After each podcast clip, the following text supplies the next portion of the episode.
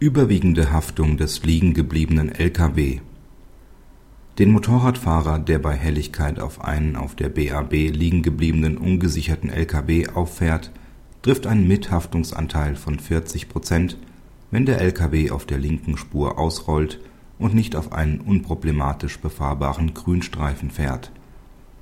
Die Klage der Erben des verunfallten Motorradfahrers wurde vom LG abgewiesen.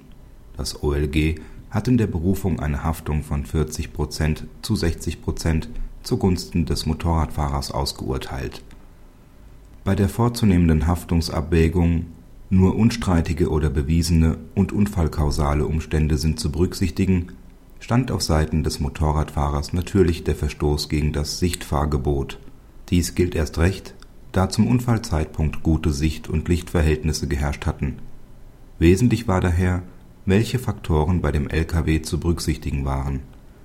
Ein Vorwurf, dass das Fahrzeug liegen geblieben war, konnte dem Beklagten nicht gemacht werden. Durch ein eingeholtes Sachverständigengutachten ergaben sich keine Hinweise darauf, dass der Defekt vorher für den Fahrer erkennbar gewesen war. Es bleibt aber der auch unfallkausale Verstoß gegen die Absicherung des Lkw.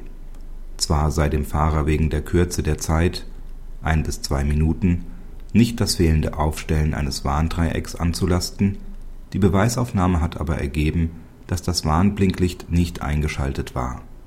Hinzu kam insbesondere auch, dass der Beklagte, als sein Fahrzeug auf der Überholspur fahrunfähig wurde, nicht, was möglich war, auf den Grünstreifen ausgewichen ist.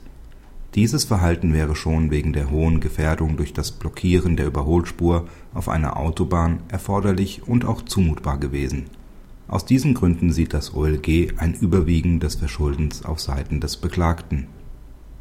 Praxishinweis Das Urteil des LG, das die Klage vollständig abgewiesen hat, war überraschend. Wie die Quoten in solchen Fällen zu bilden sind, ist letztlich eine Frage des Einzelfalls, wobei sich, wie im Fall, die Betriebsgefahr bei Verstoß gegen die Sicherungspflicht aus § 15 StVO erhöht